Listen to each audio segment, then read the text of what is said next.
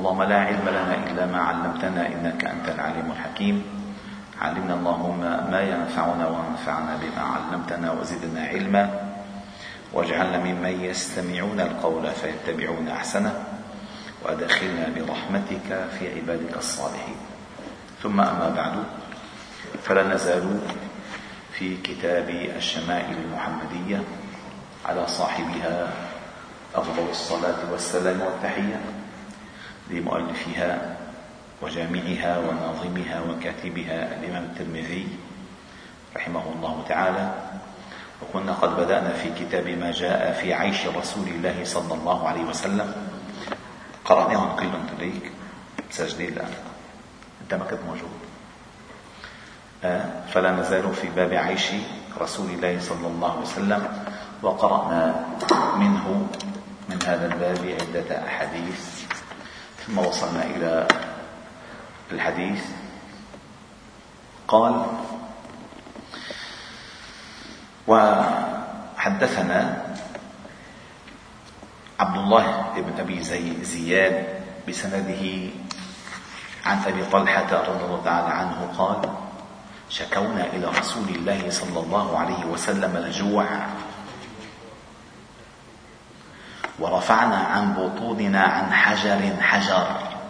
يعني حجرين. شكونا إلى رسول الله صلى الله عليه وسلم الجوع. ورفعنا عن بطوننا عن حجر حجر. فرفع رسول الله صلى الله عليه وسلم عن بطنه عن حجرين. يعني إن جاعوا جاع إن شبعوا شبع إن مرضوا مرض يعني يصيبه ما أصاب أصحابه. وهذه هي عين القيادة والرياسة. فالقائد والرئيس والمسؤول هو الذي يعيش هموم كل من هو مسؤول عنهم. يعيش يعني يعيش مرضهم حاجتهم همومهم مشاكلهم. هذا الذي بيتقدم لذلك يعني يشعرون به وهو معهم يعني كأنه معهم في كل حياتهم. أما المسؤول الغير مسؤول المسؤول الغير مسؤول دائما في حجب بينه وبين الناس أو بين حتى اللي, اللي المحيطين به. يعني في طبقة دائما طبقة آه، حاجز تحول بين اطلاع المسؤول على حقيقة ما عنده ثم حاجز تحول بين وصول حقيقة وصول آه، ما يطالب به الناس إليه. يعني لا رايح ولا جاي. بيحافظوا عليه بعيد وبيحافظوا من بعض. مشان يدلوا هن متحكمين من فوق ومتحكمين من تحت. وهذا على مر التاريخ. إيه؟ هذا على مر التاريخ. وكان حتى في أواخر العهد العباسي. حتى قال عنهم الشاعر خليفة كان عنده خليفة من الخلفاء العباسيين. عنده آه، وزير اسمه آصف ووزير اسمه بوغا.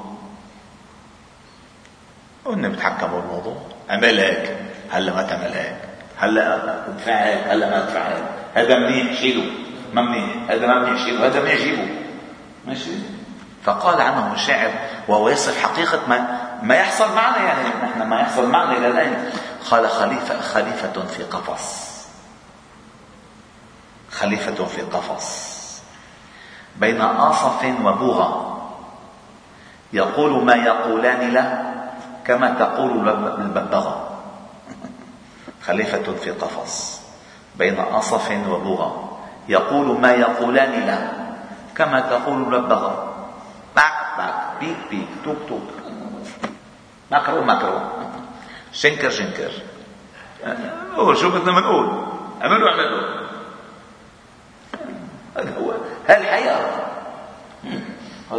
هالحياة القائد ما بيكون هيك. القائد بيكون يعطي يعطي شعور لكل من معه أنهم كذلك قواد ورواد ومسؤولين لهم قيمة. أما القائد كل ما كان ضعيف بيحاول يشعر بكل من ضعاف ما فيكم ما فيكم شيء. لازم ما ياخذ دوره ما بتفهموا أنا بفهم ما بشوف وأنا بشوف. ما أريكم إلا ما أرى. المهم النبي صلى الله عليه وسلم الذي لنا فيه أسوة حسنة قال فقال فرفع النبي صلى الله عليه وسلم عن بطنه عن حجرين. الله الله. قال أبو عيسى أي الترمذي هذا حديث غريب من حديث أبي طلحة لا نعرفه إلا من هذا الوجه. ومعنى قوله ورفعنا عن بطوننا عن حجر حجر قال كان أحدهم يشد في بطنه الحجر من الجهد والضعف الذي به من الجوع. هلا الحديث اللي عندنا إياه هلا حديث كثير مهم. طويل شوي بس هلا العشاء بقدم بكير يعني في معنا اسا خمس دقائق ماشي؟ بس اسمعوا مهم الحديث. قال حدثنا محمد بن إسماعيل حدثنا أي آدم بن أبي إياس حدثنا شيبان حدثنا عبد الملك بن عمير عن أبي سلمة بن عبد الرحمن عن أبي هريرة رضي الله تعالى عنه قال خرج رسول الله صلى الله عليه وسلم في ساعة لا يخرج فيها ولا يلقاه فيها أحد. يعني خرج في وقت ما عهد أن يخرج في هذا الوقت ابدا. ولم يلقاه أحد. يعني لا احد ناظر ولا طلع يشوف عليه. قال خرج رسول الله صلى الله عليه وسلم في ساعة لا يخرج فيها ولا يلقاه فيها أحد. فأتاه أبو بكر فقال فقال له ما جاء بك يا أبا بكر؟ طلع أبو بكر لعنده قال له ما جاء بك يا أبا بكر؟ فقال خرجت ألقى رسول الله صلى الله عليه وسلم وأنظر إلى في وجهه والتسليم عليه. فلم يلبث أن جاء عمر. ففجأة طلع لهم عمر بالطريق. قال فلم يلبث أن جاء عمر. فقال له النبي صلى الله عليه وسلم ما جاء بك يا عمر؟ فقال الجوع يا رسول الله. الله الله. عمر عمر. إيه الآن كان وطن. وطن صعب كان. قال الجوع يا رسول الله. قال النبي صلى الله عليه وسلم وأنا قد وجدت بعض ذلك. أي أخرجني الذي أخرجكما. أخرجني الذي أخرجكما. قال وأنا قد وجدت بعد ذلك فانطلقوا إلى منزل أبي الهيثم بن التيهان الأنصاري. هذا الرجل كان آه، آه، ذا زرع وماشية وخير فقال فانطلقوا إلى منزل أبي الهيثم بن التيهان الأنصاري وكان رجلا كثير النخل والشاء. الشاء يعني الدواب الأنعام ولم يكن له خدم. فلم يجدوه. يعني دخلوا روح على البيت يا أبا الهيثم ما في حدا؟ خدام موجودين فقال فلم يجدوا ولم يكن له خدم فلم يجدوه. ركزوا هون. ولم يكن له خدم يعني كان يخدم مصلحته بنفسه. ماشي. فقال فقالوا لامرأته أين صاحب أين صاحبك؟ أي زوجك؟ أين صاحبك؟ فقالت انطلق يستعذب لنا الماء. أي ذهب ليأتي لنا بالماء العذب البارد. فقالت انطلق يستعذب لنا الماء. فلم يلبثوا أن جاء أبو الهيثم بقربة يزعبها. يعني حمل ثقيلة عم يحملها ويشد فيها. تتمايل به ويتمايل بها. كيف زحول جرد غازة طويلة يزعلها فقال فلم يلبثوا أن جاء أبو الهيثم بقربة يسعبها فوضعها ثم جاء يلتزم النبي صلى الله عليه وسلم. حبيبي يا رسول الله يفديه بأبيه وأمه. ثم انطلق بهم إلى حديقته إلى بستانه. قال لهم حولوا ما بتحولوا حولوا ثم انطلق بهم إلى حديقته فبسط لهم بساطا بساط يعني فرش. حصير يا أخي. فبسط له بساطا ثم انطلق إلى نقلة فجاء بقنو. قنو يعني عزق عزق تبع النخل. قطش شوي فجاء بقنو ما قمان دانية؟ يعني قريبة فجاء بقنو فوضعه. فقال النبي صلى الله عليه وسلم ألا تنقيت لنا من رطبه؟ يعني الرطب تعرف الرطب؟ أجود. يعني بيكون فحط لهم اياه فالنبي صلى وسلم بتنقي لنا كان رطب رطب منهم. وهنا دليل أن الإنسان له أن يأخذ من الطعام الأجود وما يستلذ به. وما يستلذ به. قال ألا تنقيت لنا من رطبه فقال يا رسول الله إني أردت أن تختاروا أو تخيروا من رطبه وبسره.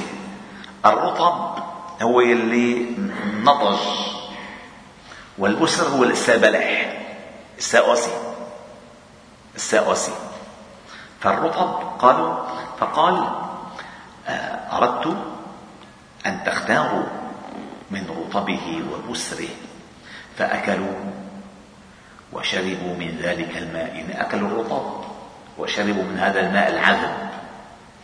فقال النبي صلى الله عليه وسلم هذا والذي نفسي بيده من النعيم الذي تسألون عنه يوم القيامة ظل بارد.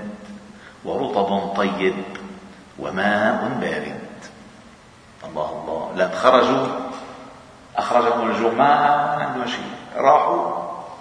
فجلسوا في ظل بارد. يعني كأنه مكيف مثلا. ماشي. في ظل بارد. قال ورطب طيب وماء بارد. إن هذا من النعيم الذي تسألون عنه يوم القيامة. ولتسألون يومئذ عن النعيم. كل شيء من النعيم. إن هذا الهواء الطيب البارد اللطيف والأكل الطيب والماء الطيب كل ما النعيم. والله ييسره ييسره جل جلاله. فقال فانطلق أبو الهيثم. ما خلصوا هالمقدمة إذا مقدمة الطعام. هذه المقدمة أيها الأحباب. يعني الإنسان مقدمة مثل ما هلا بيضيفوا بيجوا عندهم ضيوف بضيفون رطب بضيفون قهوة بضيفون. هو الأصل لأن الأصل أو الأحسن طبيا كذلك أن يؤكل أو أن تؤكل الفاكهة قبل الطعام. أن تؤكل الفاكهة بعكس ما الناس بيعملوا. بعد ما بيأكلوا الأكل بيحطوا الحلو وبيحطوا الفواكه الفاكهة وبتصرخ المعدة. بتصرخ فالمهم قال فانطلقوا. فانطلق بهم أبو الهيثم ليصنع لهم طعاما. فقال له النبي صلى الله عليه وسلم لتذبحن لنا ذات در يعني ما تذبح لنا آه، آه، شاة حلوب. مثلا ما تقطع خيرك. لا تذبح لنا ذات در فذبح لهم عناقا. عناقا هي الماعزة الصغيرة التي لم تبلغ بعد. بيكون لحمة كثير طيب. فذبح لنا عناقا أو جديا يعني سواء أنثى أو ذكر. يعني إذا أنثى الماعز اسمه عناق وذكر الماعز اسمه جدي فأتاهم بها فأكلوا. صلى الله عليه وسلم. فقال له النبي صلى الله عليه وسلم هل لك خادم؟ لك شايفينك رائع أنت جاي أنت صيتنا أنت طفط أنت أنت أنت أنت. هل لك خادم؟ فقال لا. وهالفترة كان كان في ضيقة في المدينة؟ هالفترة هيدي؟ كان في ضيقة في المدينة يعني ما كان الرزق مية مية صح. فقال له النبي صلى الله عليه وسلم فإذا أتانا سبي فأتنا. يعني على مر الأيام صار عندنا غنائم وسبي ائتنا. فأتي برأسين ليس معهما ثالث. يعني بعد فترة صار عنده سبي فأتاه أبو الهيثم فقال النبي صلى الله عليه وسلم اختر منهما. اختار لك واحد الخدام اللي هن بدهم يعني هن آه، الرقاب قد تكون رقاب مؤمنة وقد تكون رقاب غير مؤمنة. كما الرقاب بعضها مؤمن فقال اختر واحدة. فقال يا رسول الله اختر لي أنت. تذكروا لما قدم له الهزق قال له ألا, ألا تنقيت لنا؟ قال له أنت أنت هلا رد قال له اختار له؟ نقي لي قال اختر منهما يا أبا الهيثم. فقال يا رسول الله اختر لي أنت اختر لي. فقال النبي صلى الله عليه وسلم إن المستشار مؤتمن. تستشرتني؟ بدي أعطيك خير ما استشرتني به. إن المستشار مؤتمن. خذ هذا فإني رأيته يصلي. واستوصي به معروفا. خذوا هذا أمين. وكان آدم بيصلي. فاستوصي به معروفا. فانطلق أبو الهيثم إلى امرأته. فأخبرها بقول النبي صلى الله عليه وسلم. أي ماذا حصل؟ وماذا مدحه لهذا الخادم؟ أنه يصلي. واستوصي به خيرا. فأخبرها بقول النبي صلى الله عليه وسلم. فقالت امرأته وكانت امرأة عاقلة. فقالت امرأته ليش ما جبت اثنين مثلا. فقالت امرأته ما أنت ببالغ حق ما قال فيه النبي صلى الله عليه وسلم. ما, ما, ما قال له استوصي به خيرا. فقالت له ما أنت ببالغ حق ما قال فيه النبي صلى الله عليه وسلم. ما أنت ببالغ حق ما قال فيه النبي صلى الله عليه وسلم إلا أن تعتقه. ما قال استوصي به خيرا بدك أنت طبق الوصية تبلغ الحق اللي وصاك النبي صلى الله عليه وسلم ما حتبلغ إلا ما تعتقه فقال هو عتيق. فأعتقه. أخذ أجر. إذا أخذ أجر عتق رقبة رقبة. فقال هو عتيق.